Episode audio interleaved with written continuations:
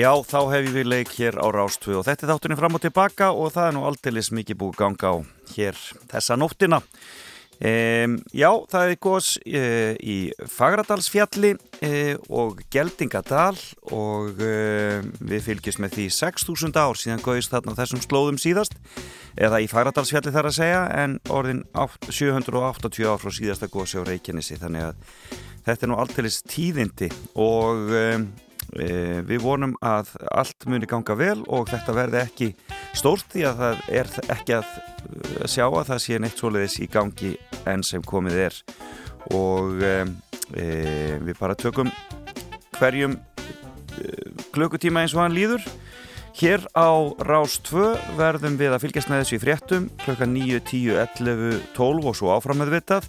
Það verður auka fréttatími klukkan 12 í e, sjónvarpinu og svo verður almannafarna fundur klukkan 11 sem að öllu líkindum verður í beitinu útsendingu hér hjá okkur á Rás 2. Þannig að við fylgjast með þessu e, en höldum okkar streiki svona þess á milli en það kannski ekki mikið að segja og þið fylgjast auðvitað með líka á rúf.is og eh, ég vildi taka það fram að þátturinn sem var hér á undan mínum eh, frábært þáttur Baldvins Þórs Bergson og það sem farið er yfir það sem var helst í fréttum í vikunni. Hann var að sjálfsögðu upptekinn og það skýrir byrjirinn á þættinum þar sem hann segði að það væri ekkit að frétta af eldræringum og reikinnissi þetta tók hann upp áður en að, eh, en að það kom í ljós og láðist að taka burt. Þannig að eh, það eru eldræringar á reikinnissi og eh, Þið getið fylst með þessu öllu saman á rúf.is og svo í frétta tímanum sem framöndan eru. En það verður mikil dagskrá hjá mér hér e, í fram og tilbaka. Fyrsti gestur minn er, e, verður hér eftir smá stund. Það er Eithor Ingi e, Gunnlaugsson, e, tónlistamæður. E, en e, hann ætlar að koma og segja mér af fimm tónlistamönnum sem hafa haft áhrif á lífans. Við ætlum síðan aðeins að fjalla um Eurovision eftir nýfréttinar því að Hann Karl Ágúst Íbsen ætlar að koma til mín. Og uh, við ætlum aðeins að uh, kíkja á laugin sem hafa verið að koma fram. Nú er allt komið fram í Eurovision í ár. Og þó, kannski ekki alveg, við eigum eftir að ræða það aðeins betur hér og eftir. Og svo sjáum við til hvort fréttageturinn verður á sínum stað, uh, er svona eftir hvernig framveitan verður með gósið. En eigum við ekki bara að hefja leik? Og byrjum þetta á lægi dagsins. Og það er lagur söngakefni e, frábært lag sem að hei, Magni Áskesson söng og e, heitir Hugarró.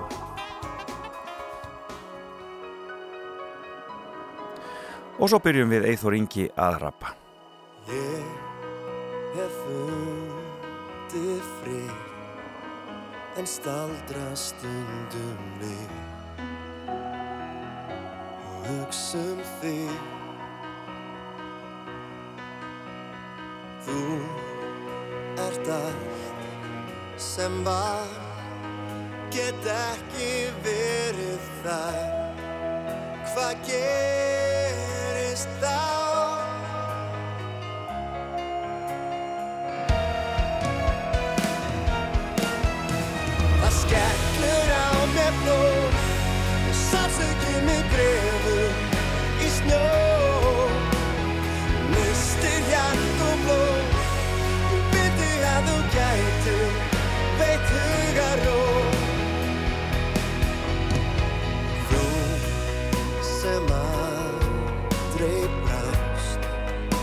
Gafst alla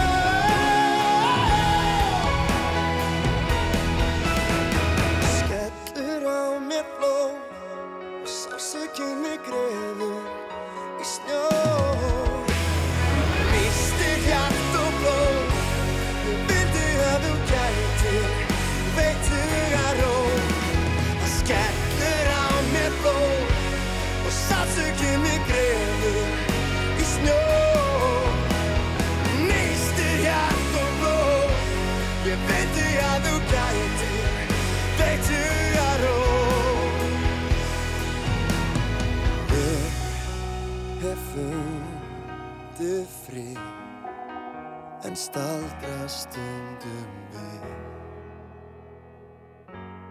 hugsa um þig Viðmarlændi minn í dag er sestur hjá mér, Eithór Ingi Gunnlaugsson, verðtu velkomin. Takkaði fyrir unur, takkaði fyrir. Ertu morgun maður? Ekki mikill. Nei. Nei. Er það ekki bara fylgjir ekki svolítið starfinu? Jú, eða ekki, eða ekki. Raki Bjarnar fór aldrei á fætu fyrir bara um háti. Langt fram eftir aldrei. Rúnar Þóri hitti hann þetta en hann sæst vakna svona um tvöleiti. Já, mikill. Nákvæmlega. Ég er áttúrulega með börn og svona sko Já, já. neyðist til þess að reyna mig á fætur. Þannig að þú ert að stað svona Já, með reglu já. millibili. Já, já.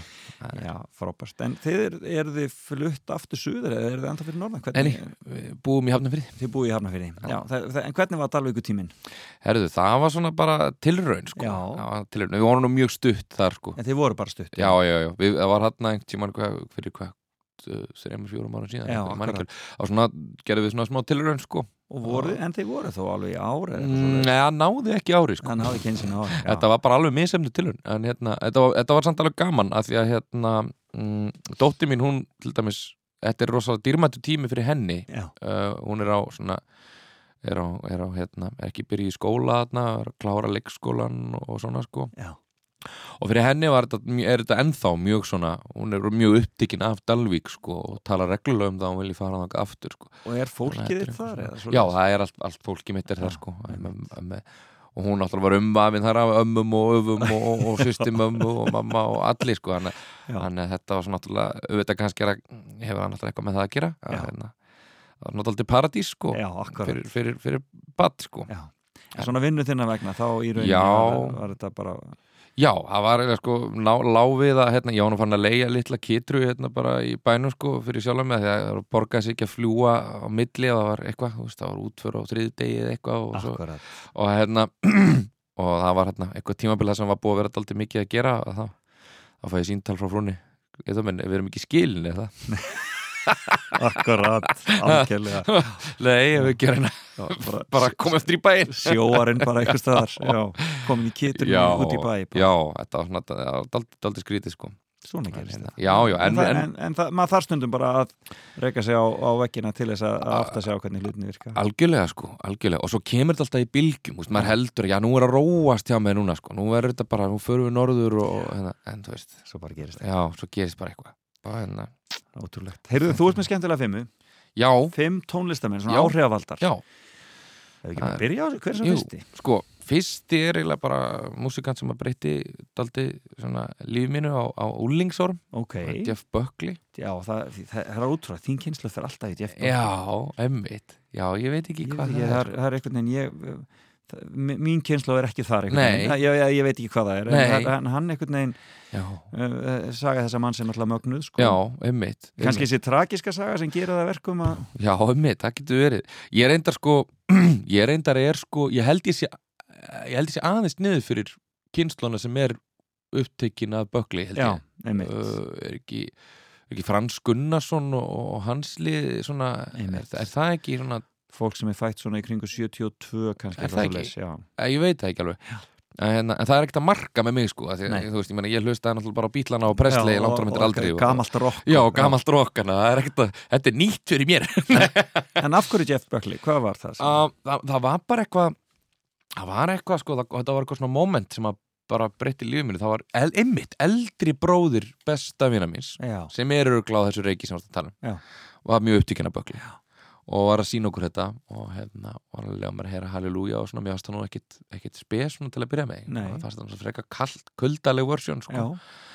uh, svo er ég bara að ráfa um í plötubúð og kaupi gísladisk fallet umslæð og myndi eftir þessu nafni Jeff Buckley og bróði Baldursson og alltaf að tala með hann gæja og já, hann gerir halleluja, hann er já, smart.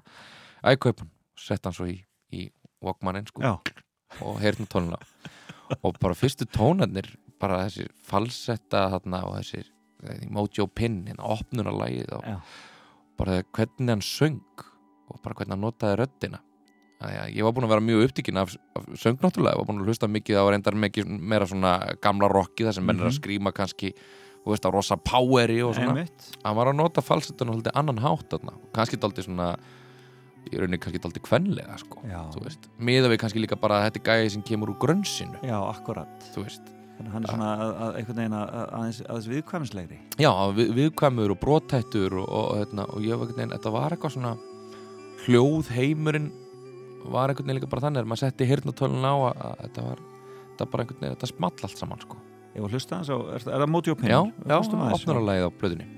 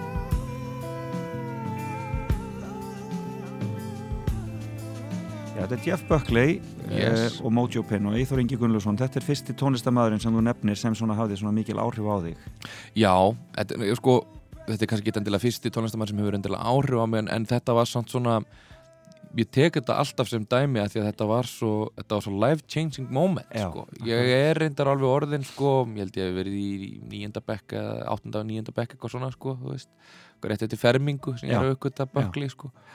og hérna og, og þetta var bara svo þetta var svo ný pæling eitthvað.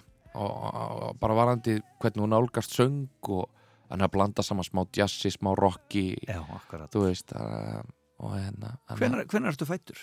89, Já, þú ert, já, þú ert ekki þú ert rétt skriðin yfir þrítústrengurinn já, já rétt þannig að, þarna, þannig að þú ert bara þarna en þú ert þá í raun og uppkvötan eftir dauðans Já, eftir döðan sko. Ég held hann degi nú bara á 8 ára ammælistæði minn eitthvað svoleiðis, sko. Þannig að þá náttúrulega hefði ég ekki hugmynd um Nei. hver, hvað gæði þetta var sko. Nei, akkurat. Og hérna En svo náttúrulega var ég mjög upptökin af eins og ég segi, já, Zeppelin og Purple og sko. En fórst að spila Jeff Buckley músíkin eitthvað? Já, ég reyndi það en, en ég var sko sem krakki einmitt á þessum aldri ég komin úr mútum og svona þá var ég bara, ég var rosalega djúprataður sko. Þannig að, þannig að þetta, ég átti ekki sjens í bögli sko. Það var bara, það, það var svona En það komið kannski síðar. Já, já, það aðeins svona á þrjúskunni það hjálpaði aðeins til sko. En, uh, en, en já, ég held að ég held ég hafi fengið rosalega áhuga á falsettu söng þarna, magnar þú veist, að þarna bara vá, það má alveg gera þetta Gekkjar, já Hver er næstur? Herðu, næstur, sko, það er bara David Bowie. Það er bara, já, Já. kallinn Það er bara kallinn, sko. Fórst að sjá hann þegar hann kom hérna? Nei, ég er bara pjakkur hann kemur hérna, sko. Já Hvenær komur hérna? 90 eitthvað? Já, hvenar kom David Bowie til Íslands? Mm, Ég fór á tónleikana, það var alveg stórkostlega gaman þú veist, það var ekki, hann var ekkert að spila neitt af sínu best of eða svolítið, hann var Nei. að kynna einhverja plötu sem að fór svona frekar lágt Já. en, bara, en þetta, þessi sko þetta, þarna, þessi X-faktor og þessi pressans er náttúrulega svo yfir gengilegur sko, það er svo gaman, gaman að sjá þetta já, um mitt. dásanlegur, en hvenar, byrjar bara sem barn að hlusta á Bowie? Um, já, það kemur svona, það kemur svona, reyndar kemur Bowie inn svona, jú, eitthvað, ég veit ekki hvort ég verið 11-12 ára eða eitthvað, ég verið svona rétt að byrja- hlusta kannski á Siggi Stardust og okkur hlust. Já, ok En svo svona fer ég í meira, kannski svona, ég helli mér meira í Bowie samt aðeins meira í setni tíð, sko. Og, og hérna, að því að fyrst var þetta bara gamli Bowie sem ég fíla. Ég var ekki trefin að tilraununum, sko. Nei, en, hvað, bara- en hvað er það í dag sem þú myndir sko, hvar, hvar, er, er það Berlínar árin eða Um, nei, ég held sko mér þykir alltaf rosalega vænt um gamla dótið af því að það er bara eitthvað sem fylgdi, mér í æsku Einmitt. bara Honky Dory og, og, og Siggy Stardust og þetta dót sko Honky Dory náttúrulega hálf söngleikjaleg plata sko því er skipta sko. Algjörlega, Eh, nákvæmlega, hérna- náttúrulega mjög leik, allt leikhúslegur mjög leikhúslegt sko, og ég er náttúrulega mjög upptíkin af því sem pjakkur sko. Um, en mér fannst eiginlega bá í sko, svona, ég fattaði, fór að fatta alltaf meira og meira eftir því sem fór að vera meira hrifin af svona tilrunarkendri tónlist að þá var þetta svona listamæður sem var svona óhrættur að gera alls konar. Og, og, og það rammaði hann ekkit beint inn veist, að, hérna, hann gætt bara gert síruplötu og svo diskoplötu og svo alltaf að endur nýja sig alltaf endur nýja sig. Og, og einhvern veginn virtist svona komast upp með allan fjandan sko. Já. leik í bíómynd og þú veist, vera, þú veist já, vera leikari en samt rockstjarna og, og þú veist og bara einhvern veginn, ég veit ekki, svona gæði sem einhvern veginn komst upp með allan fjandan Já, þannig að maður svona, þannig að ég svona og ég hef alltaf svona meira bara í sennitíð bara leita meira í bara já, veist, bara relata svolítið til bara bái, hann gerir bara whatever sko. Það var eitthvað lag sem að rammaðan svolítið inn fyrir þér var það, hvað ætti ég að spila? mm, sko ég hefði röglega sagt við bara þú veist nú setja bara honky dory á sko, þú veist, en uh, en uh, mér langar að setja bara sko bara Lazarus. Já, síðasta bara. Þvílík, þvílík bara hverja. Hlustum aðeins og Er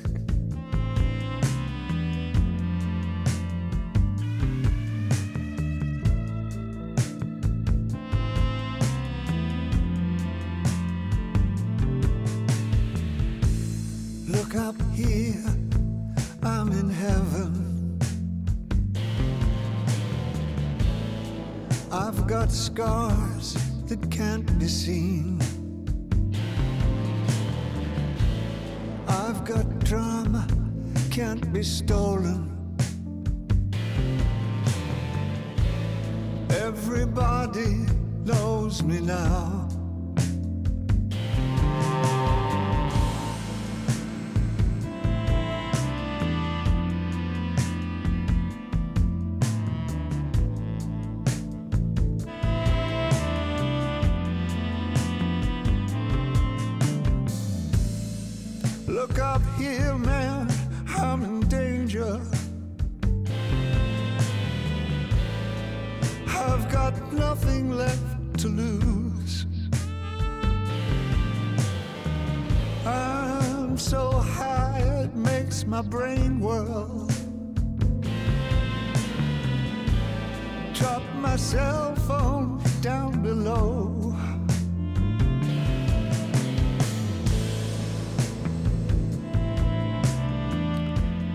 Lazarus er það kveðjan frá David Bowie Já. og ég meina þetta er náttúrulega fyrir, Dave, fyrir Bowie aðdándur er þetta náttúrulega bara þetta er, þetta er næstu yfir á svona, svona, svona, þetta, þetta er svona heilagt lag eitthvað já, þetta er það það sko og myndbandið Já. er náttúrulega er algjörlega magnaður já, sko. það var Íslendingur sem kom að þessi myndbandi já, einmitt Einmitt. Íslensk stúlka já, einmitt. pródúsir það ekki? jú, eitthvað þannig já, já, við munum það ekki, við erum ekki svo gamli við munum ekki nöfn. Nákvæmlega Heyrðu, en þarna, þú fyrir mennskóla á Akureyri eða ekki? jú, og ert þá náttúrulega bara fyrst og fremst að einbytta þar að músikinni kannski? Já, já, eiginlega, ég var ekki mikið í náminu sko, hérna, fór hérna í söngjarni framhaldsskólan einmitt, það Já, það sem stóð upp úr í, í, í Á þeim tíma? Já, ég endist líka stutt, ég hérna, kláraði ekki sko. Nei, og hérna, hefur eitthvað að séð eftir því? Langar það að klára stundin Mm. Kannski ekki þörf á því eða Njá, já og nei sko, Já. já, og nei, jú, jú, stundu sé ég eftir í sko, að hérna, en, en, en hérna, en, æ, þú veist, ég veit það ekki, ég er svo mikið svona, ég lifi svo mikið í Já. ég, ég er ekki drossalega mikið að velta mér og, og mikið upp úr svona hlutum sko. og þú ert ekki þannig að þið langi meira nám eða svoleiðis, þú er ekkert velt svoleiðis hlutum fyrir þér? Nei, ekki nema þá bara eitthvað svona músiktengt sko Já. uh, og hérna uh, það er ég, það er einhvern veginn þannig sko. Ástriða mín er bara algjörlega þarna sko. Já. og, og ég sé ekkert fyrir mér að gera neitt annað en eitthvað tengt þessu. En fóstu í tónlistanám, en fóstu í einhvers konar tónlistanám ég var í tónlistanámi bara í gamla daga sko. Já. ég lærði á harmonikku hérna bara sem pjakkur sko. Spilar það þá hana? Nei, ég, uh, allt á lítið sko. Ég, hérna, Gítarinn hefur alveg orðið ofan já, og píanóið. Já, uh, hérna, ég sé endara eftir því sko, ég þurfti að, að selja hana nefnilega fyrir Já. ekkert svo löngu síðan. Ég var að leika í vesalingunum þegar, þegar ég seldi nikkuna uh, uh, þá var ég sett, brotist inn í bíli minn fyrir utan þjóðleikúsið já, og stólið um, ermagnara sem er svona lítill akústískur magnari sem að nýtist söngvarum vel í brúköpum og jarðaförum og svona, Auðvitað, já. margir sem nota þetta. Og mjög vond að missa. mjög vont fyrir mig sérstaklega á þeim tíma að missa þetta. Já. kostar alveg 200 kall eða eitthvað sko. Og hérna og gott þetta var ekki annað skiptið sem svona magnaræði stólið frá mér sko. Já. þannig að ég bara, já þetta var ángur svona tímapunta sem ég höfðist að horfa bara inn í skáp og bara ok, hvað nota ég minnst? Já. og það er nikkan, Já. ok og ég fæ sérlega fínt fyrir hana. Já, en ég sé rosalega eftir því. Og, og, hérna, og það er ekkert langt síðan að að ég var að reyna að leita af henni. Já, já, já. ringdi út í hérna að því að hún var seld á Akureyri sko. Ok, og hann fór að grafa í gömlum nótum og fann nótuna, sá á hvað hann var seld og allt sko. En það var greitt í peningum og og ekkert nafn á bakvið sko. Við auglýsum bara eftir Já? Beltúna Nikka svona svört uh, með svona einhverju svona, einhverju svona þetta var, var kallið kvenn Nikka kvenn borð af því að hún var nettari. Já, ok. Það var svona, Já. Og mjög falleg sko. Já, og náttúrulega kannski þá uh, ætluð unglingum eða svoleiðis frekar eða svoleiðis læra. Já, Ég meina, það er bara auglýsist hér með. Eithor Ingi vil kaupa nikkun ég vil kaupa Nikkun aftur Nú á hann pening já nú er ég pening Heyrðu, hver er þriðji listamæðurinn? Er það einhver harmoníku? Herðu, nei, það er nú ekki harman ykkur síðan Er það sunnan vindur? Já, já, nei, sko, mér nú langar mig bara að brjóta þetta þessu því við erum, búin að, við erum komin í bái sem að gera alls konar, við byrjum á Einmitt. tragedískur, svona ykkur viðkvæmur uh, listamæður, sko Já. og, og, og, og, þá held ég að sko, núna væri eina rétt að fara dálítið aftur í tíman Ok, og fara í eh, hinn íslenska Elvis sem fyrir mér uh, sem var Latti já, hinn íslenski Elvis bara. Ég segi það að því að uh, sko þegar ég er pjakkur bara á leikskóla að þá eru bara það eru bara tveir menn bara sem kom til greina fyrir utan kannski bara, þú veist afa og pappa eða eitthvað fyrir var bara, það var bara Latti og Prestli Akkurat. Og, og, og hérna, það var bara stimplað í mig alveg bara frá því ég byrjaði bara að tala sko. Og þá var ég bara, ég er ennþá að hitta einhverja fóstrur sko af leikskóla sem bara ég passaði þér og, svona. og þá var ímist, ímist bara var ég með sketsa úr heilsubælinu á leikskóla Já, eða að syngja prestleilög með mjög vondri ensku. Já, ah, hérna, þannig, að, þannig að þetta voru svona tveir bara algjör ædol og ég var gjössamlega með það á heilanum að, að horfa á allt efni sem að tengdist latta, það var til að fáið spólur heima af Mhm. imbakassanum og Mhm. gamla spöggstofan sem latti var í Hemmi náttúrulega og svo leiðis já, já, hemmi, það var mikið af því og það var, það var náttúrulega svo var vínill til það var ennþá vínill uppi við sko hjá afa. Hlunkur er þetta. Já, allt þetta, lungur er þetta og ertu búin að vera svona lengi og þessar Akkurat. Ég horfði þetta allt saman. Og svo var ég alveg upptekin og gagtekin af, af sko að því að sko þekkjan í teiknimyndum. Já, já, já. Þannig að hérna þannig að þar sko, ég var alltaf með það á hreinu sko. Þú eru með strumpana og, Já, og, og, og allt, náttúrulega allt sem þú last inn á. allt sem þú last inn á. Mjög augljós og það. þannig að hérna, þek, þekkti því náttúrulega sko og, og, og ég var með mjög mikinn áhuga á talsetningum sko. En skemmtilega. En hvenar hittir hann fyrst? já, sko ég hitt hann, já, ég held að ég hafi bara hitt hann fyrst í Vesalingunum fyrir hérna nokkur ára síðan þegar ég leiki í þjóðleikursunum Og leki á mótónum sko. Í alvöru? Já. Það sé fyrsta sinn sem ég held það, Þú ert nú búin að vera í bransan með mörg ára Já.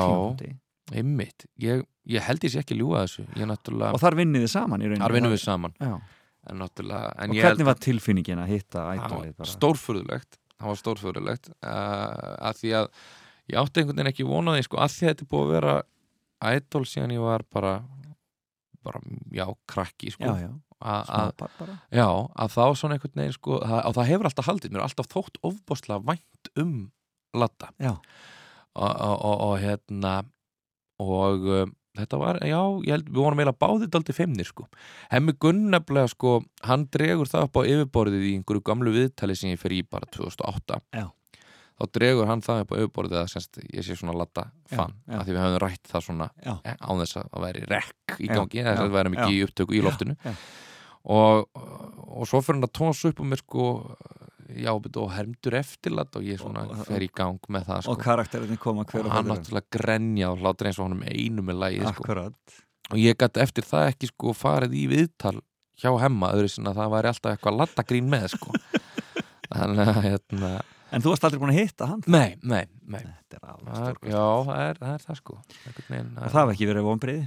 Nei, alls ekki sko, alls ekki. Við erum hérna, bá, báðir daldið svona bara feimnir kallar sko. Já, einmitt. Hérna, en þá svo fyndið, svo er ég búin að vinna með eitthvað tíma og við erum búin að bralla ýmislegt síðan. Við erum giggað saman og ýmislegt síðan sko. Uh, að þá hérna og svo fyndið ég man eftir á einhverju svona skemmtun sem voru með út á landi að þá eru náttúrulega þá kemur Latti með og, og Sigga Beintins voru að halda utan með einhverju svona skemmtidaskrá og, og þá, þá er henni hitt ég í fyrsta skipti kannski karakterana. Já. það var annað mál fyrir mig sko. Það komið alltaf óvært af því að þarna þekkti ég orði Latta bara mjög vel sko. En þeirra karakterinu kom. en svo opnaði töskuna og fór að greiða eika fjallar og, og, og eitthvað svona sko. Allt í hann sexi læknir sestu við hliðina mér sko. Þá var eiginlega starfströkk upp á nýtt sko. Já, skít feimið við þá Herru, hvað er að spila, Latta? Herðu, herðu ekki bara hvað er að velja, eitthvað gott Já, nú, já, nú, er reynir mörgu að velja sko við ekki bara að setja bara uh, austustræti Ég er með datta í hug. Hann ætla líka að hans, hans, uh, Hans samti það sjálfur. Já. Þannig að hann, hann ánafla frábær lög. frábær lög sko Þú veist, það er allt Spike, Spike Jones dótið og það allt saman. Já. En svo er, eru lögin hans sem er alveg briljant, sko. briljant Heyrum Östustræti. Ég inn í östustræti snara slétt og strega skónum Með brósófur og tyggi gúmi í munninum. Ég lappa um og horfa liðið sem er þar í hópum. Frá lasarónum upp í snoppaða kettlingar Östustræti, ís og læti, fólk á hlaupum í innkaupum, fólk að tala, fólk í dvala og fólk sem ríki þarf að ala. Þar standa bákandir í röðum landsbúnaðar útvegs og fyrir hundan stendur hóraður hundan sitja Já, þeir eru að hlusta á Rás 2. Viðtal hér við Eithor Inga í gangi en ég ætlaði bara að segja ykkur frá því að það verða fréttatímar klukkan 9, 10 og svo verður sendt út beint frá fundi almannavarna klukkan 11 út af gósunu í Fagradalsfjalli. Þannig að við fylgjumst vel með áfram hér á Rás 2. En áfram með Latta og Eithor Inga Gunnlaugsson. Fólk í dvala og fólk sem ríki þarf að ala. Latti var það heillin og Austustræti og þetta er val Eithor Inga Gunnlaugsson sem situr hérna hjá mér. Það, það, hann var hjá mér hann steindi um daginn. Já, Hann var líka með músík, hann var með lög að vísu. Ok.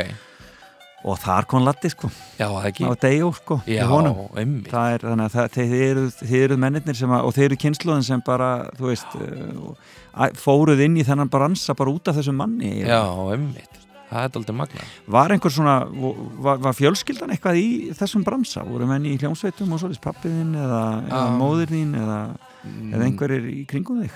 Já, sko, mamma reynda tók aðeins þátt í leikfélaginu á Dalvík. Já, hérna, ekki, ekki mikið en eitthvað. Ég man eftir að hafa setið með Opal á fremsta bekk eitthvað. Já ok. Fyrir svona áhuga leiksyningum sko. uh, Afi var mikið í þessu í, í gamla daga sko. Í leiklistinu á leiklistinu og söng sko. Já, hann er mikið svona, svona uh, mikil tenor sko.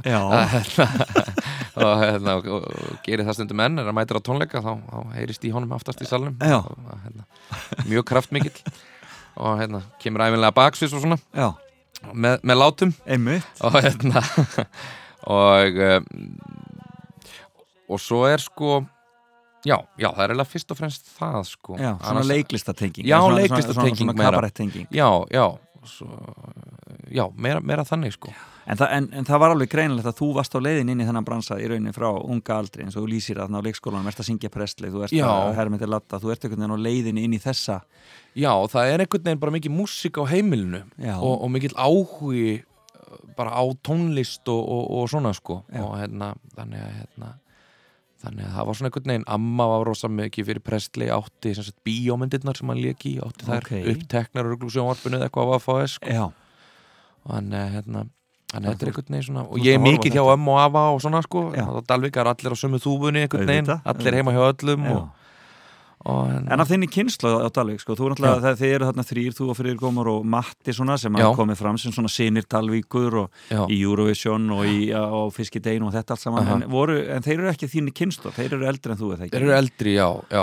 En voru, voru einhverjar þinni kynslu sem voru svona í, um, sko, í, í músík? Já. já, já, það voru náttúrulega hérna, sko, Baldur Hjörleifsson er æsku vinnu minn, sko, hann er náttúrulega hérna, mikill, mikill músíkant og, og hérna hann til dæmis á, á lægið sem að ég og Leiló gáum út Já, hérna, einmitt. aftur heim til þín Já. Eh, og hérna, hann hefur gert ímislegt bara allað ímislegt og Ok. hérna var með mér líka í Atomskaldunum þegar það var og, Já. og hérna, pappi hans er hérna Hjörleifur, hundi í óskilum Já, og, og já, hérna, einmitt. hann er við tjarnar tenginguna, hérna, Akkurat. tjarnarkvartetinn og þetta sko og, og, og það er náttúrulega kynntist ég fullt af músík, ég er einnig kynnist bítlunum svolítið í gegnum, gegnum þá fjölskyldu tjarnar fjölskyldu? Já.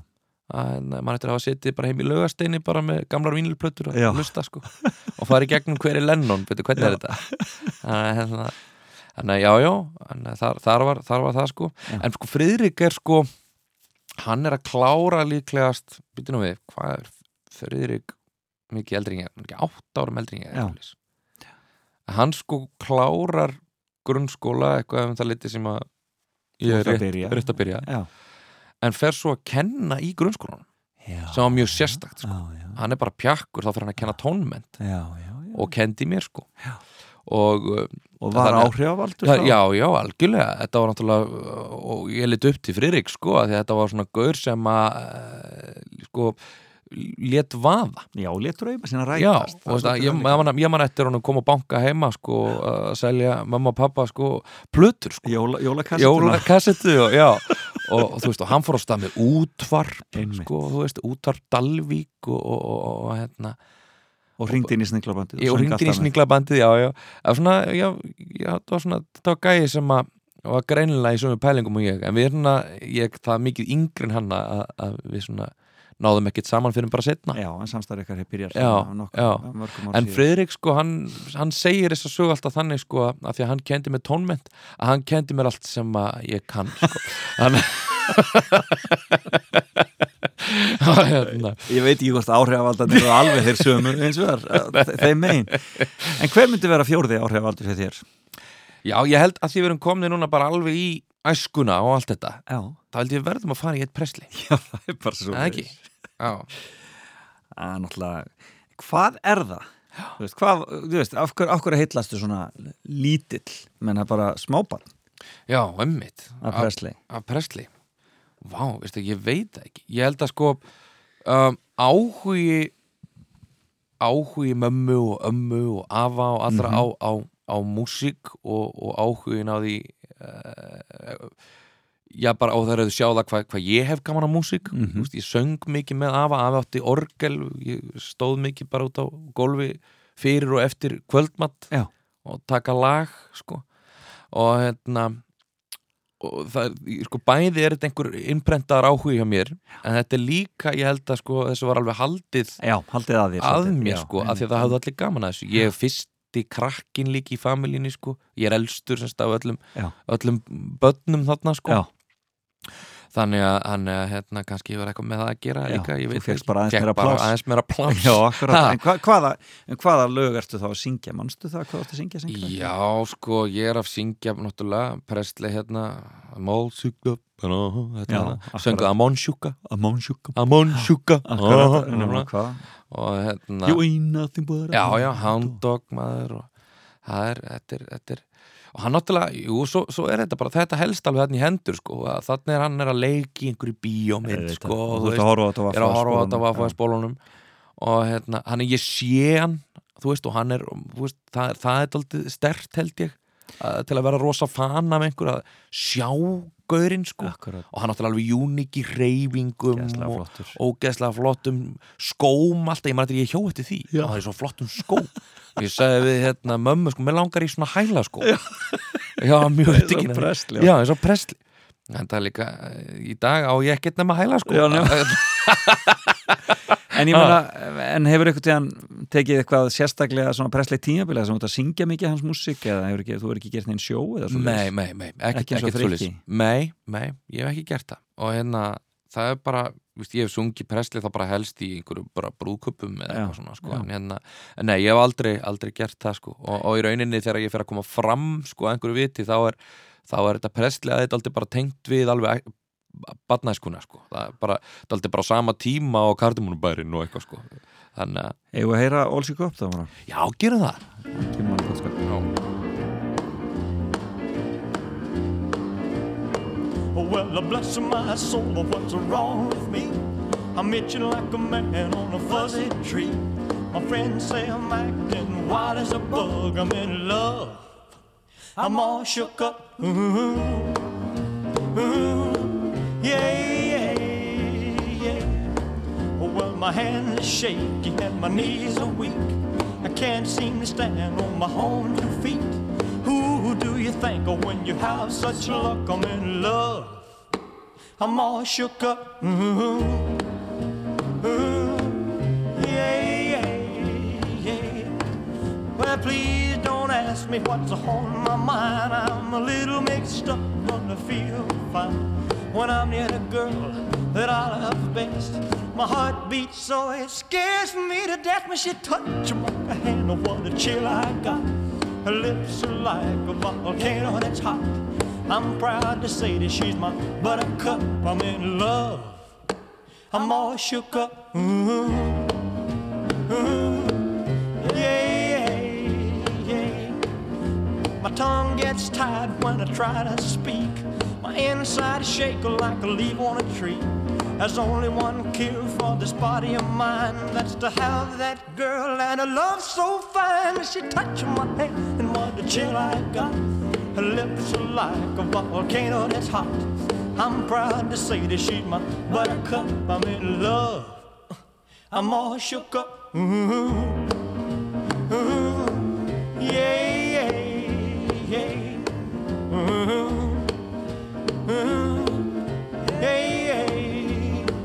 shook. Brilliant er það, Presley, All Go Up Ég er nú að hugsa, sko, ég var eitthvað að segja Þetta væri nú ekki listinans friðirsómas Þetta er náttúrulega fyrir listinans já. David Bowie, Latti, Presley og Jeff Buckley. Þetta Já. er náttúrulega bara, hann, bara, þetta er bara hans áhrifavalda líka. Öruglega Öruglega, sko. En þarna, um, hver er svo síðasti hjá þér? Herðu, mér langar að setja bara sko Radiohead í lokin. Já, ok. Það er band sem að Þá ertu komin í, í alltaf, alltaf slóðir alltaf slóðir Og kannski tengist það eins meira inn í Buckley það tengist inn í Buckley Já, það er líka á svipuðum tíma já uh, í bara í mínu lífi sem ég svona er að Er er það creep sem gerir það? Nei, reyndar ekki Nú? Nei, ég Er sko, það fyrir þann tíma? Eða? sko að því að sko Creep er sko Creep er, er náttúrulega uh, fyrsti smellurinn Já, svona En- stóri Já, smellurinn. en, en ég náttúrulega aftur er einhvern veginn kannski aðeins of ungur til að vera aukvita þetta stöf Mhm, uh, á þeim tíma sem þetta er í gangi. Skil. Þannig að uh, fyrsta svona Radiohead svona bara wow, wowið mitt er OK Computer Æmitt og, hérna, og það er bara því að bara yngsti bróði pappa bara var að svona fara í gegnum plötur með mér og svona hlusta eitthvað og, og honum fannst bara rökriðt framhald af því sem ég hefði verið að hlusta á að ég tjekkaði á Radiohead. Ég var fann að hlusta á Muse og eitthvað svona sem er í rauninni eitthvað sem kemur á eftir Radiohead. Núkvæmlega og, hérna, og honum fannst það svona vant í plötusafni hjá mér Og þegar þú fær svona uh, bandi í hausinn eins og Radiohead verður Já. það algjörlega heldtekin og þá er það kemst ekkit annað að já, já, ég er svona dellukall sko. Já. ég fæ svona dellur alveg sko. Þannig, að, hérna, og, og, og, og ég er ennþá á, sko, þú veist, ég er orðinn 30 ára gammal sko, ég er ennþá að teka dellur fyrir listamönnum sko.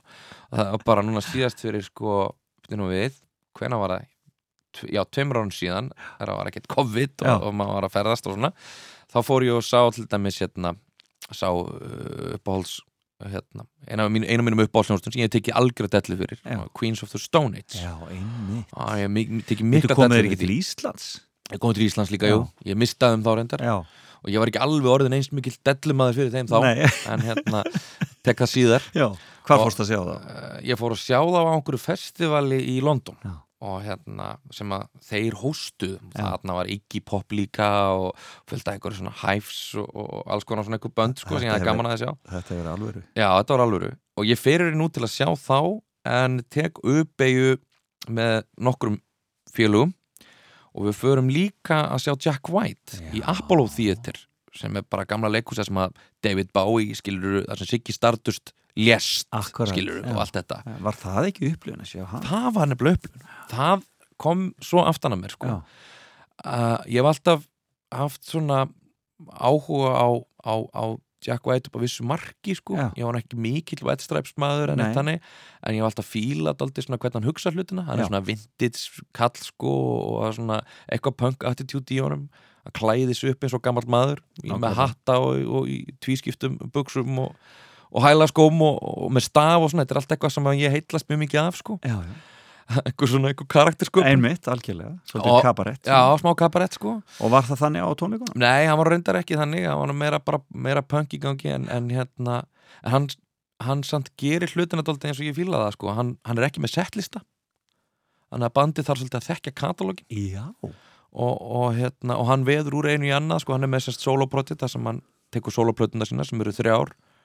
Og svo tekur hann líka White Stripes katalógnum, hann tekur af Dead Weather þar sem hann er trommar í einhverju bandi sko, og hann blandar svo öllu saman og hérna, Og menn þurfa bara að kunna hljóðfara og menn þurfa bara að kunna þetta. Og ef hann tekur trommunar og trommarna að og, og, hérna, og hann bannaði síma. Það eru löpum inn, þá voru bannaðar tökur. Já. Þannig að þú veist að setja síman í svona silikon sokk, Poka, já. innsikliðan sko. og það var svona eins og reykingasvæði fyrir fíkla. Það sem var slokir svona þurftir að fara bara og láta opna og, til að geta að fara í Til að síma geta farið í síma Já, en það var utan við tónleikasvæði sko. inn í sal voru allir bara horfa. Algjör snill, ég held að þetta hafi hjálpað til við upplöfununa en, en ég fikk hef, algjör þetta. en hefur séð radio þetta á tónleikum? ég sé reytið tvisvar, já. já. Ég sá það hérna heima og ég sá það líka út í Fraklandi Og og það var bara þú veist, það var nefnitt sko, náttúrulega því ég er náttúrulega búin að vera með Radiohead dellu bara frá því að ég uppgutaði OK Computer Já. og þá, og eins og þú sagðir þá var þetta svona band sem ég bara hlustaði bara á Já.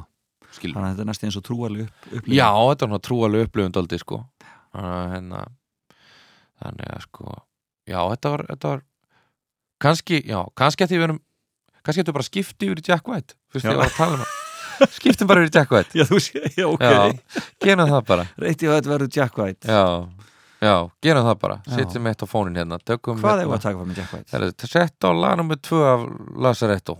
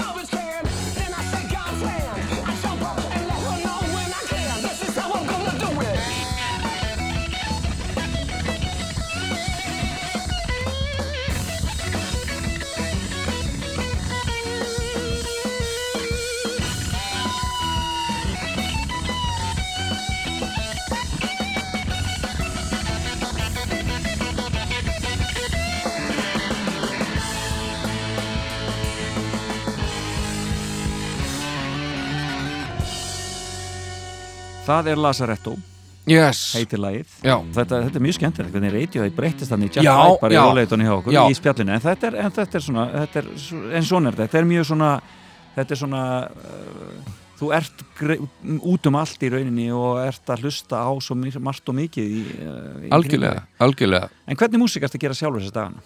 um, Ég er að gera sko, ég á fullt í skúfunni Mm og ég er aðeins búin að vera að taka til í skúfunni því, síðustu já, daga. ok. það er svona allt í einu tími til þess. Uh, ég var nýbúin að gera uh, nýbúin að gera, ég gerði í fyrra lag með Leilo Einmitt, sem að var bara eitt vinsarasta lag ásins í fyrir Já, mjög gaman, sem er mitt Baldur leggur grunnin af, Akkúrat. félagi minn og hérna, sem er svona mitt í bara meira bara einfalt, akústist country. country, smá country uh, smá fólki, eitthvað, og mjög gaman, þeir eru svona, þeir eru svona ólíkinda duett einhvern veginn, ekki duett sem maður hefði svona fyrst hugsað Nei, nákvæmlega hún í svona sínu mjúka og þú Já. í hetjurokkinu Já. og svo bara komið þarna saman og, ná, vera saman í þessu Algjörlega, það er aldrei gaman að mætast þarna sko. Já. hérna, Ætlið þið að vinna eitthvað meira saman? við, er, já, við erum að vinna smá meira Ok. og hérna, við höfum bara að sjá til hvort að, hvort að við klárum það einhvern tíma hérna, ég veit það ekki en hérna, jú, jú, kannski, kannski bara væntalegt á næstunni, ég veit það Já, ekki frábært að, hérna, sjáum til, við allavega við allavega erum, erum hérna var, varð allavega til mjög með hérna, gott vinasamband við hérna, erum allavega góði vinnir og hérna, svo spilum við daldið við höfum verið tekið nokkuð gig saman. Frábært. Þrátt fyrir COVID, þá bara streymiskik reyndur Einmitt. Og það er einmitt mjög interesting. Það var einmitt eitt félagi minn sem er hljóðmaður sem sá okkur á fyrsta kikinu sem við tökum saman. Og, og þá erum við með það þannig að hún er á bassa og ég er á gítar og svo erum við bassa á trommu og svo er ég á píanónu og hún á gítar og svona að vera að henda hljóðfarum í, í, í, í svona sikkur áttina og Já. Stundu tökum við lag með henni og við tökum eitt lag með mér eða síðan eitthvað cover og bara leikum okkur tóltið og spjöllum á milli laga og svona. Og, og hann var einmitt að segja sko, hljóðmaður sem þekkir í rauninni okkur bæði vel sko. hann sagði að það var svo fyndið sko, ég séð ykkur bæði oft. En þegar þau eru saman þá þekki ég hvorugt þetta er kannski, þetta er svona svona Jack White dæmi. Já, bara við bara gerum það sem við þarf Ger- til þess já, já, já og kannski mætumst einhvern veginn á, á meðri leið sko. Að, hérna, ég ætla svona aðeins að tjúna mig niður sko, hérna, og hún kannski tjúna sig aðeins upp sko. að, hérna, Hvað sem því liður, það er mjög spennandi að sjá hvað kemur frá þér næstunni og við fylgjumst bara spennt með já, Kæra þakki fyrir spjallið yes.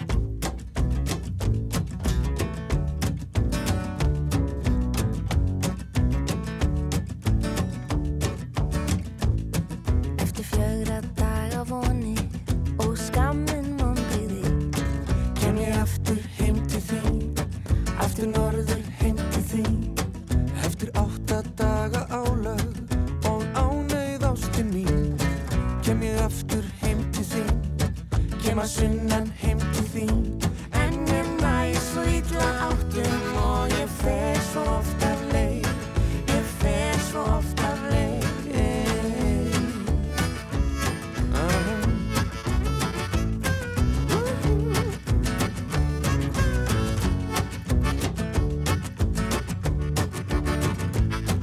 Eftir 16 daga sorgir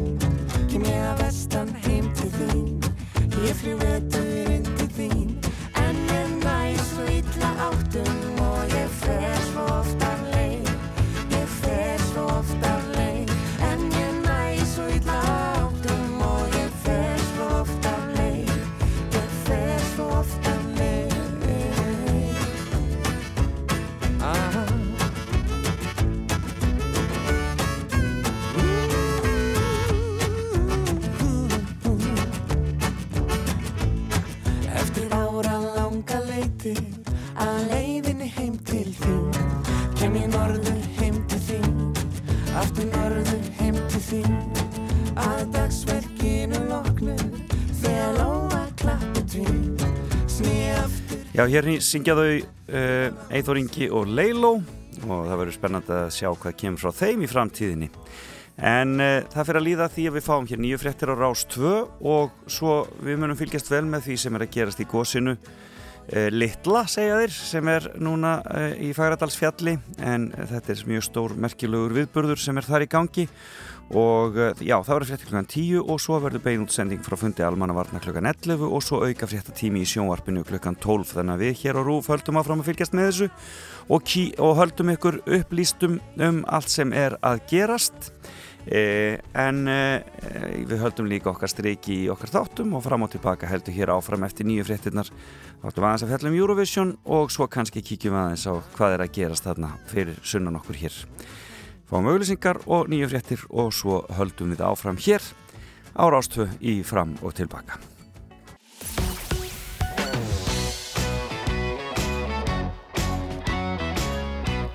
Já, þá höldum við áfram hér á Rástfö þeir að lusta á þáttinn fram og tilbaka og þarna var leiðir rétt þetta með upplýsingafund almannavarna. Hann færist frá klokkan 11 til klokkan 2 Jó en um, þetta verðist allt verið í góðu lagi og undir stjórn. Fáum Björk hér á Human Behavior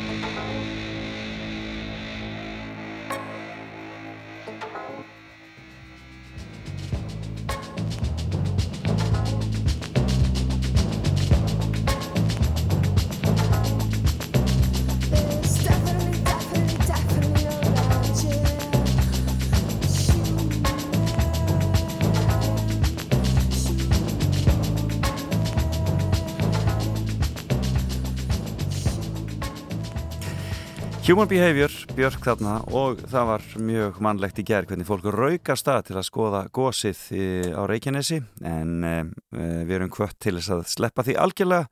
Vera ekkert að flækjast á svæðinu heldur bara fylgjast með þessi fjölmiðlunum og nóg er af fréttum í fjölmiðlunum í ögrablíkinu það er að fara inn á alla veðmiðla RÚF, Vísi, MBL e, Kjarnan og þetta allt saman og bara tekka þessu og fá fréttinnar þar. Og ef þið eh, viljið fá þetta á ennsku þá náttúrulega er þetta víða á ennsku og líka á til dæmis The Guardian og fleiri erlendum miðlum. Allir farnir að segja frá kosinu á Reykjanesi við, í Fagradalsfjalli við, við Geldinga Dal. Eh, og eh, en eh, við sk- kannski kíkjum aðeins betur á þetta hér á eftir. Ég ætla aðeins að eh, segja ykkur betur frá þessu hér á eftir svona bara til þess að bæta aðeins á upplýsingarnar allar. En upplýsingarfundur almannavarna sem átt að vera hér í beinni útsendingu klukkan 11 við hafa búið að færa hann til. Hann verður klukkan 14 en ég minni á auka frétta tíma í sjónvarpinu klukkan 12 en það fyrir að líða því að við förum að ræða um Eurovision. Ellen Kristjánsdóttir er aldrei farið Eurovision. Ekki löngu komið tíma á það kannski að hann kip, kipi bara John Grant með sér. Þetta lag myndi örgulega gera það gott takið eftir því hvað það er hægt að læra góða íslensku og syngja fallega á henni þó maður koma einhver starf allstar annar staðar frá. Þetta er veldu stjörnu. Dásanlegt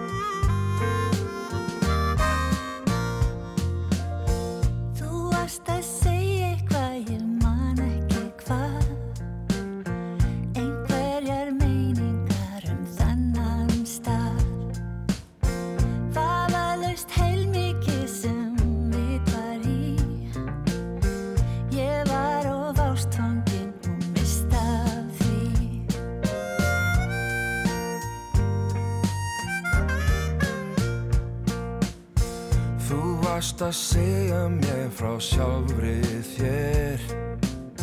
Satt best að segja fór það fram hjá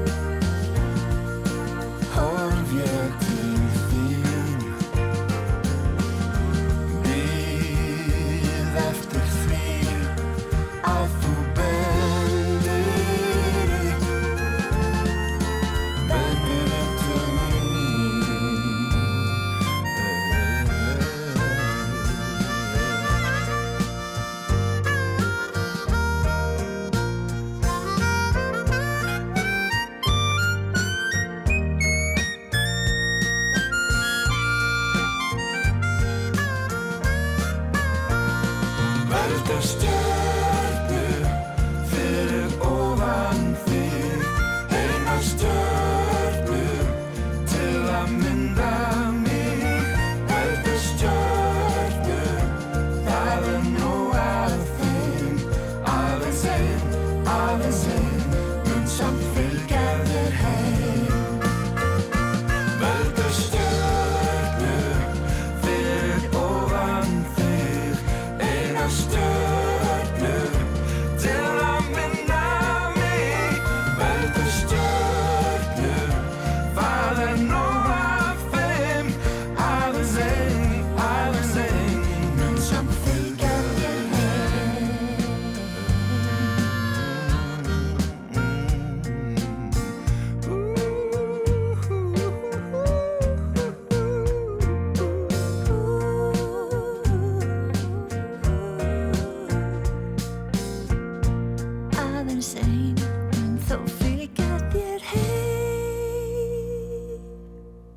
bara áfram og hlustaðu áfram og tilbaka á Rás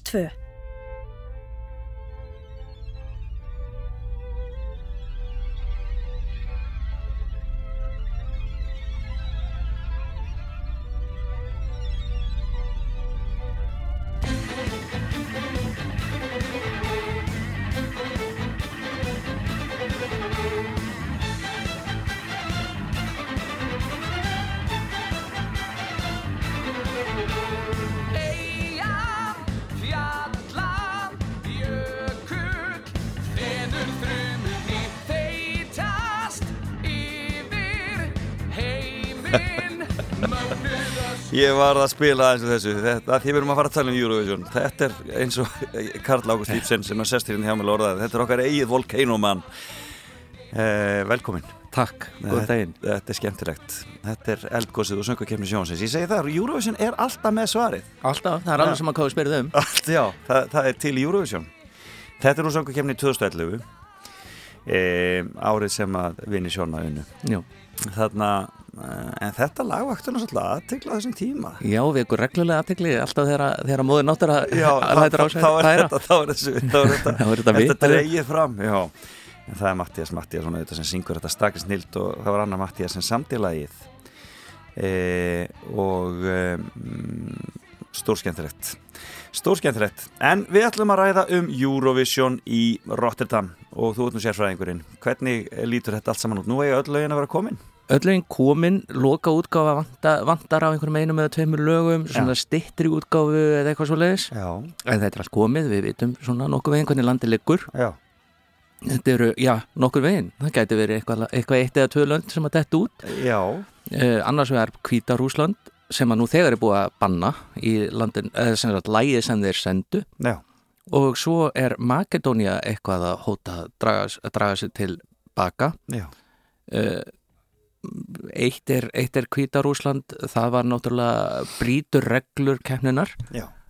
En svo er það Makedónia sem að verðist alltaf fara bara út af já, einhvers konar þjóðurnis kend eða Já, útlendingahattri eða- þjóðniskend og, og homofóbi og Já, eitthvað slíku. já. Við skulum ræða þetta aðeins á eftir en við skulum byrja á því að Malta kom í vikunni og það vakti gríðarlega sprengja, Algjör sprengja B og B Já, segja og skrifa eins og maður þarna, en það, þarna það rauk beint á toppin hjá veðböngunum Sviss Já. var búið að taka þarna toppsætið og bara virtist vera bara að hlaupa burtu með þetta. Já, en þá kom Malta og bara tilti sér á toppin við hliðin á Sviss. Já, hún Destiny vinkon okkar, uh, hún Destiny sem er uh, sögð eiga að vinna þessa keppni, ekki bara núna bara síðan hún vann Barna Eurovision 2015 þá var hún þjóðhetja í sínu landi og ef það er einhverjir sem þrá að vinna Eurovision jafn mikið á Íslendingar þá er það Maltverið Já, komin tími á okkur bæði. Getum við ekki bara gert þetta saman? Ég, ég var, að, var að þetta við á í vikunni Já, þetta er ekki, við ættum ekki í saminu Heyrðu, hún, hún, það er svo merkilegt með hana, sko, þegar hún vinnur, Já, þá er hún bara barn, náttúrulega í barna Eurovision. Þegar hún kemur tilbaka þá fekk hún fálkaorðuna þeirra. Og það er spurning, hvað, hvað geta ég gert ef, að, hún vinnur svo alvöru Eurovision? Fyrir ekki við alvöru fullorins. F-fullorðins Við skulum heyra lægið sem að uh, menn eru alveg að missa sig yfir. Frámöldu, það heitir Je me casse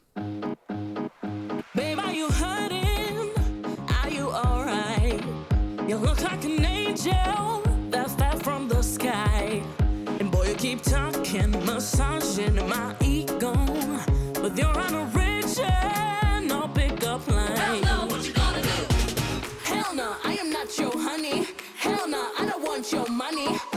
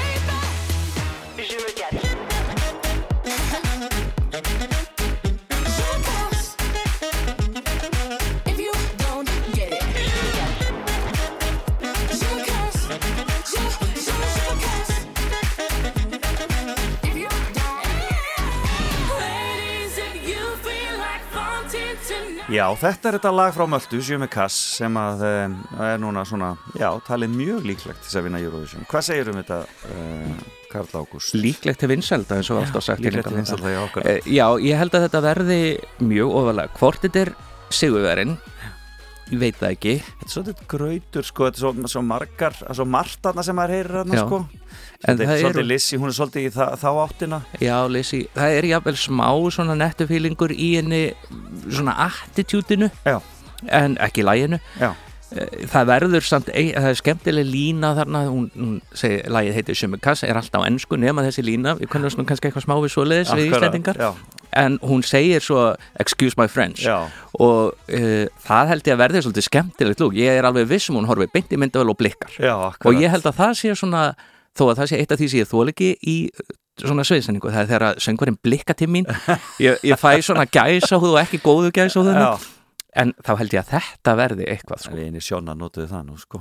Jú, þeir voru líka svo krúlli Já, mjög, mjög, það mátti, það, þeir Já, máttu það máttu það. En þarna, já, þetta verður mjög aðtilsett og hún alltaf græðir svolítið á því svona, uh, maður verður nú að segja það bara eins og er hún græðir aðeins á því að, uh, að mamas frá, frá Svíþjóð er ekki með í keppninni í ár. Já, ég meina í fyrra Mhm. maður ná- á náttúrulega ekki að miða þetta mjög mikið í fyrra, það gerðist ekki. Nei, nei, en uh, þá voru lagið sem hún var með og svo lagið sem mammas var með þetta var rosalega svipað.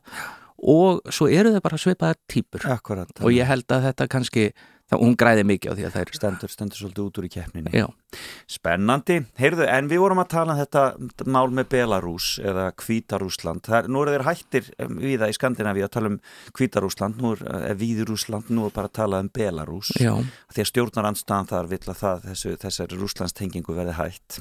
Já. þetta er svolítið aðtilsvert það er- svolítið skemmtilegt. En, þarna, en þetta sagt er bara hreinlega pólitísk lag.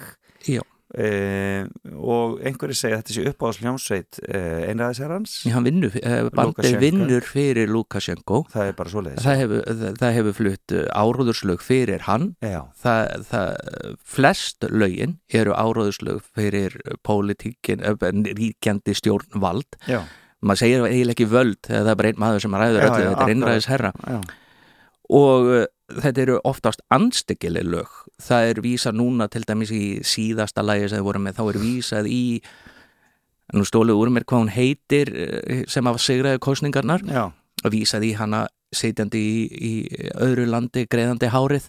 Þetta er, þetta er svona og, og það sé nú gott, hún hefur bara skamma sín. Ég meina þetta er ekki kannski flytjandi sem að ætti að, að fara í Eurovision ef að Eurovision vill vera ópolítísk og uh, það er búið að banna lægið sem þeir sendu. En f- og Kvítarúsland gaf nú út á sinni ofinberu Vafká síðu sem er svona Facebook þeir, í þessum heimsluta að þeir ætlu ekki að vera með. Svo hefur EBU eitthvað dreigið það tilbaka og sagt við erum ennþá að semja. Já. en ef að þeir fara þá er það með þessu bandi Já, já, einmitt og ég veit ekki hvort er, hvort er betra Við skulum heyra þetta, þetta, en þetta, þetta sem sagt, ég skal kenna ykkur er, er tititin í rauninni Já. uh, í lauslegri þýðingu. Kenna ykkur hvernig á að haga ykkur Já, ég skal kenna ykkur hvernig á að haga sér. En, en við skulum heyra þetta lag sem að ferður ekki framlag á Belarus.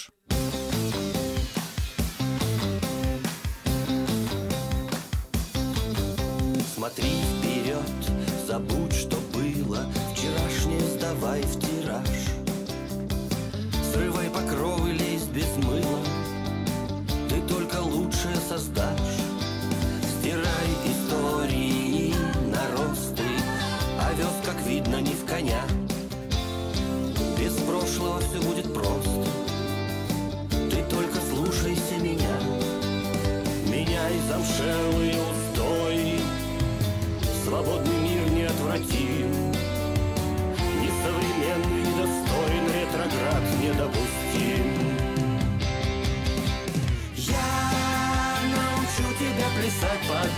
дудочку Я научу тебя клевать на удочку Já, þetta er svona lú- ljúft eh, sveitaballapopp, svona til að hafa- segja fólki að halda sig á línunni. Já, hegða sér nú almennilega Hegða sér almennilega. En áður en að þetta var, þessu að vísa úr, það var svona nú ekki spáð hærri en 3005. sæti Nú, þannig að það var nú kannski ekki það var ekki mikil eftirsjá að þessu lægi hvort Nei, þið er. Þetta er ekki, nei, þetta er ekki mjög merkilegt en það verður að til þess að sjá hvað gerist. Og ég meina, og kannski einmitt í þessum anda Eurovision þá eru menn auðvitað að reyna að halda Belarus í keppninni og hérna reyna bara að, fá það til að vera almenlega Þetta verður aðteglisvert að sjá hvernig þetta mál spilast út. En svo er það Daninir Já, Lægi þeirra það er nú aldeilis vinsælt hjá mörgum Eurovision aðdáðan já, þetta er svona krútlegt 80s lag. Þú samtir nú lag til þess að- hvað um hvað þú saknaði mikið 80s Já, já, akkurat. Höfunda þessa lags, þeir hafa öruglega heyrta Þeir hafa hýrta, þeir hafa ákveð að senda mér þetta Já, senda þér þessa ástarkveðju. Þetta, er- þetta er rosa skemmtilegt lag, þetta er stuð. Þetta er, þetta er lummulegt svolítið. Danir ég, ég má nú segja þetta, ég er hálf danskur sko. Já. Danir geta stundum sendt svona hálf hérna eh, ég hef ekki bara kallaði miðjumóð þó þeir hafa nú unnið nokkru sinnum það er meira margir geta sagt. Sannarlega. Eh, þetta veit ég nú ekki hvað gerir en þetta er rosalega skemmtilegt. Mér, eða mér finnst það, mér finnst það að vera svona og hann er svona krútler á sviðinu.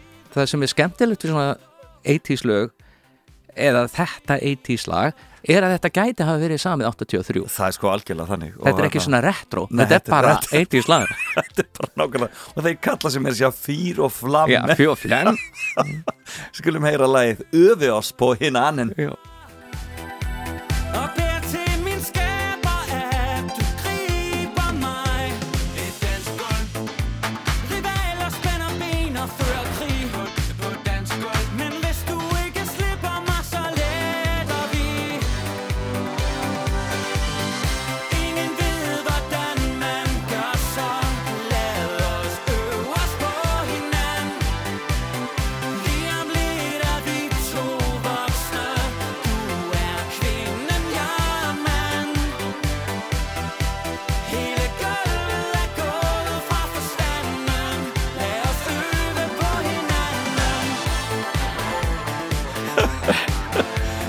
Er kvinnin, ég er mannin. Þetta er almennilegt Já, og þeir eru ekki einu svona grínast þeim í fúlasta alvara með þessu. En hann er munur að hérna, grínisti samt þessi Já, sumfæri eða ekki? Jú, jú, Stand up, stand up maður. Ég, það er erfitt svona að skilja nákvæmlega svona atriði þeirra Já. af því að þeir eru, eins og þú segir, grínistar en segja í öllum viðtölum þetta er ekki grín og þetta er alvöru lag og alvöru flutningur. Og skal vera flutt á dönsku. Verður að vera flutt á dönsku vegna þess að hvernig í óskupunum ættu við að flytja svona lag á ennsku hvernig ætti þetta að skiljast og Danir náttúrulega, þeir skilja þetta og þeir eru búin að setja þetta í fyrsta sæti í sínu vinsalda lista sem Já. er bara alls ekki nokkuð sem gerist reglulega með, með dönsku Eurovision fram Nei, að nákvæmlega og það er nú svolítið merkilegt sko. og það, En svo er líka mjög aðeinsett hvernig fór með þarna Ben og, og, og, Ben og Tan. sem átt að vera þeirra fulltrúari fyrir að þau fengu ekki einu sinni að setja lagi sér svolítið skandal þetta er eins og daði bara fengi ekki að senda inn lag ef, við- ef við hefðum ákveð að halda söngukemnina Já, þetta er svolítið leðilegt en svo, svo voru þeir nú skemmtilega svona ílkveitin og gáð lagið sama dag og Já, keppnin hefði átt að vera og, já. þetta var bara nokkur veginn sama lagið.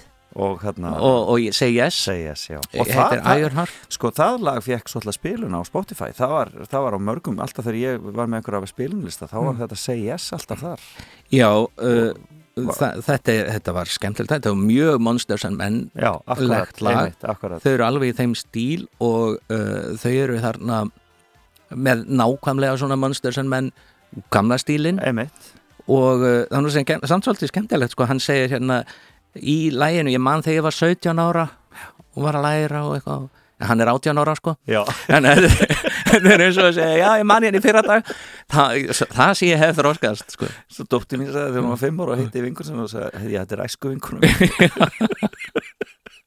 Akkurat Það er nákvæmlega þannig. En hérna um, Já, þetta verður spennandi að sjá hvernig öfi oss på hinn annan á eftir að ganga í keppninni. Ég, Þetta geti alveg orðið, ég er alveg samfæður þetta geti orðið vinsalt hér á Íslandi líka. Ég, minnskusti, sá á íslensku Eurovision aðdánda síðan að þetta, þetta vakti mikla hamingju. Já, fólk var mjög spennt fyrir þessu. Það var erfitt að verða spenntu fyrir dönsku keppninni svona Akkurat, í almennt heldina bara, já. því þeir, þeir eins og við tölum um áðan eru svona miðjumóðs fólk þetta var eina lægi sem stóð eitthvað út úr fannst mér og það var gaman þegar kynnerinn var að segja að þetta var svo divers keppni Já.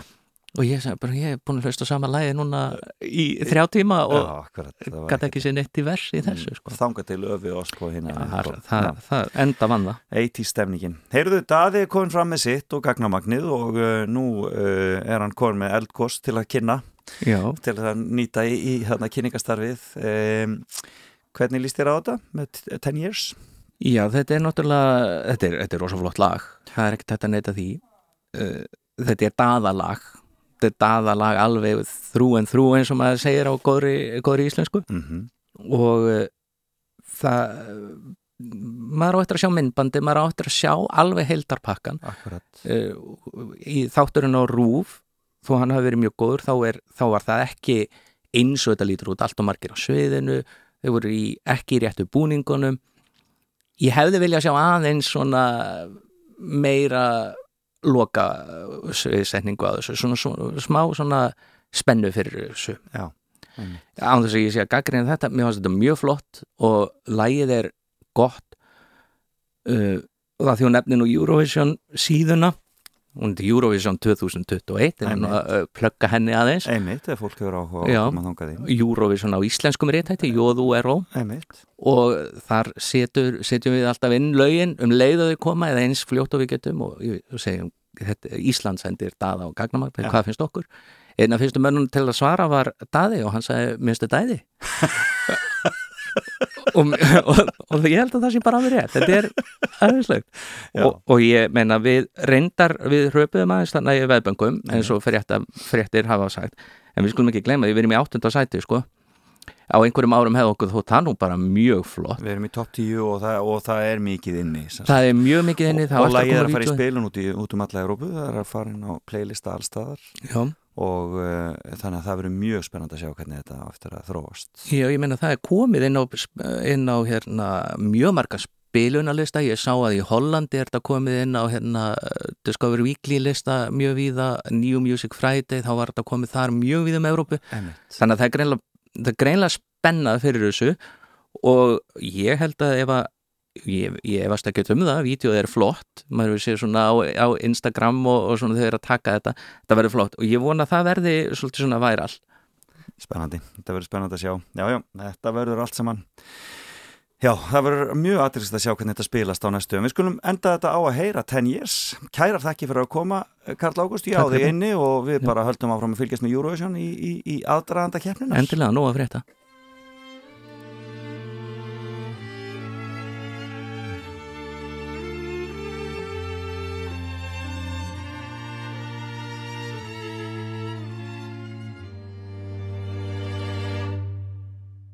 We've been together for a decade now. Still every day I'm loving you more. If I could do it all again, I'd probably do it all the same as before. I don't wanna know what would have happened if I never had had your love. How did it become myself before I met you? I don't wanna know what would have happened if I never had felt your love. Everything about you,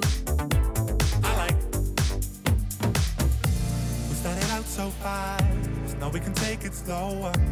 Love takes some time, takes a little time, so take a little time. As it ages like wine. How does it keep getting better?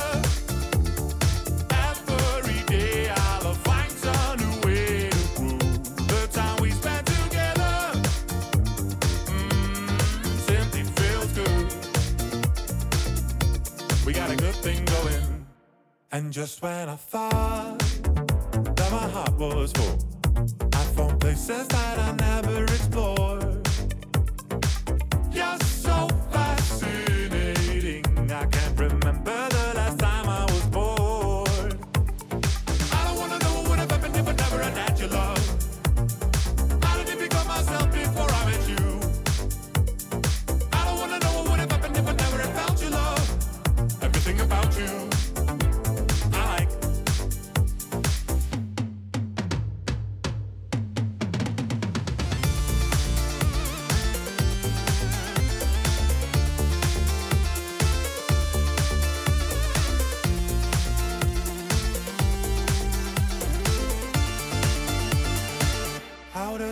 get it.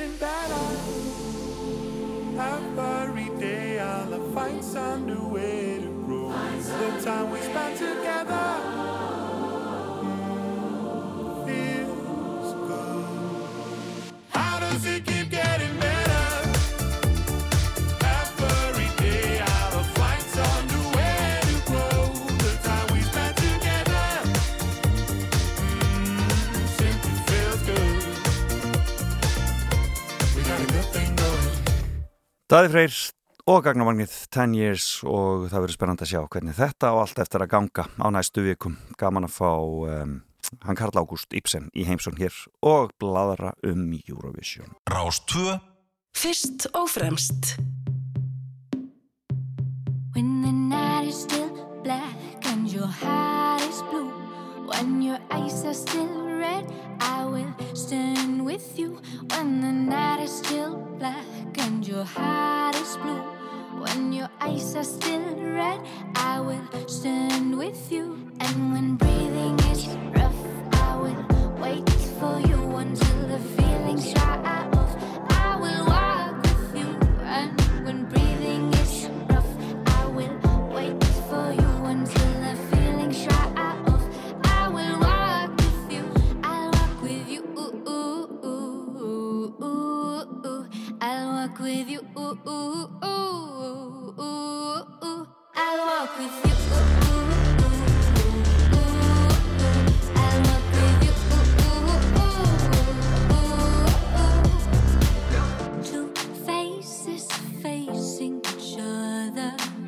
For hands that want to touch it all for eyes that keep looking.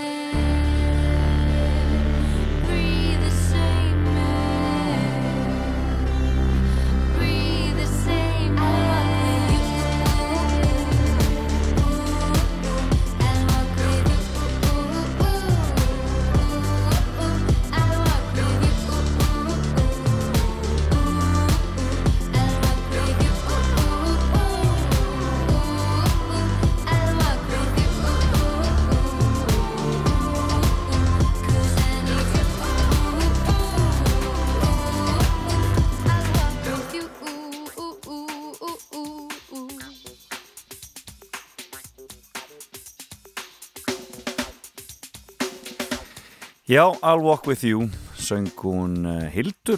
Og hún var í, hjá Gísla Martin í gerskvöldi hún var þar algjörlega frábær með Cell 7, Rockney Cell 7 klæsilegar en um, við ætlum að sleppa frétteikutun í dag. Það er bara ein frétt þannig að ég hefði ekki getað spurt um neitt annað. Það er bara ein aðal frétt þessa dagana og í dag, réttar sagt. En Eldgós hófst í Geldingadal við Fagrættarsfjall klukkan 20.45 í gerkvöldi segir hér á Vísi. En klukkan 21.36 ringdi konin á fréttastofu stöðu 2 Vísus og bylgjunum og velti því upp hvort gos væri mögulega hafið á Reykjavíns skaga því hún taldi sig af séð rauðan bjarma á vefmynda vél og stuttu sig að ringdi maðurinn á fréttastæðuna sem hvaðst vera stattur nærri góðstöðunum og hann sá einnig rauðan bjarma. Og það var síðan klukkan 21.45 sem vísir byrsti fyrsti fréttin um að viðstofa Íslands væri að skoða hvort gós væri hafið og það var klukkan 21.55 sem að náttúruvár sérfræðingar viðstofunar e, staðfestu að eldgós væri hafið í Fagradalsfjalli. E, en þetta er daldi merkilegt og hann e, Ævar Örn Jósefsson hann tók þetta saman fyrir okkur hér á rúfsíðunni. Að síðasta gósreina á Reykjaneskaga hún varði í 30 ár. Hún var jafnframt loka hreinan í enn lengra eldsumbróti tímabili á Reykjaneskaganum sem stóð yfir í 290 ár Korki meirinni minna, en síðast gaus í Færaldarsfjalli fyrir meir en 6.000 árum og þá rann beinvörður hraun. Síðustu gósinu á Reykjaneskaga laukum miðja Sturlungöld árið 1240. Það var borgarastríð á Íslandi, hafði þá gengið á með gósum í Reykjaneskerfinu frá árinu 1210 með nokkur ára hlýjum. Þar á meðal var gósum hóst 1226, sex árum eftir að Snorri Sturluson kom heim frá Noregi og var að líkindum stærsta gósið í hrinunni. Og í oddverja annálir getið um þetta gós og talað um sandfallsvetur á Íslandi.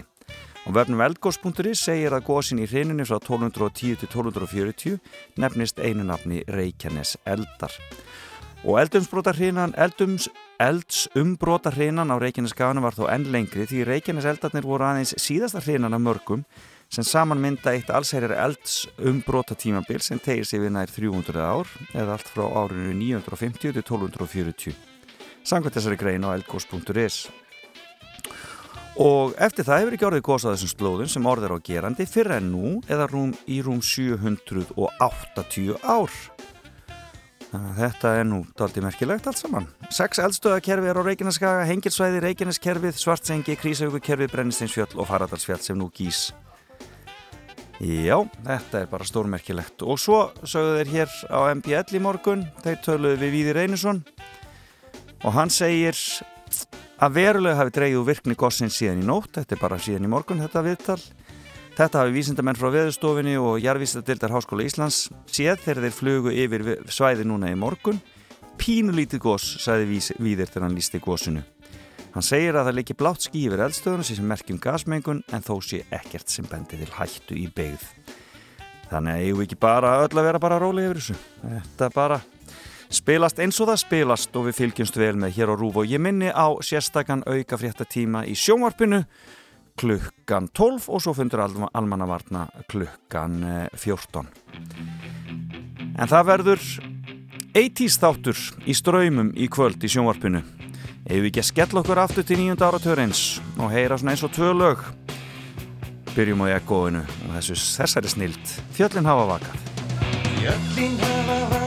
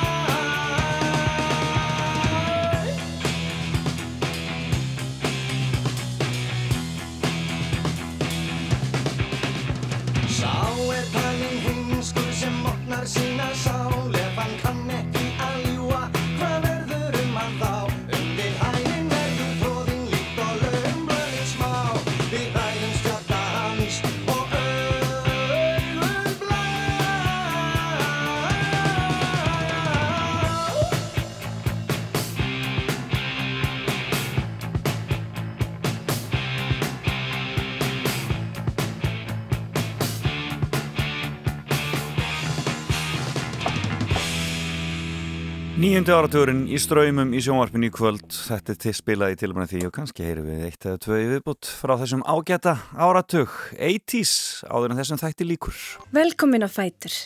Fram og tilbaka á Rástfö.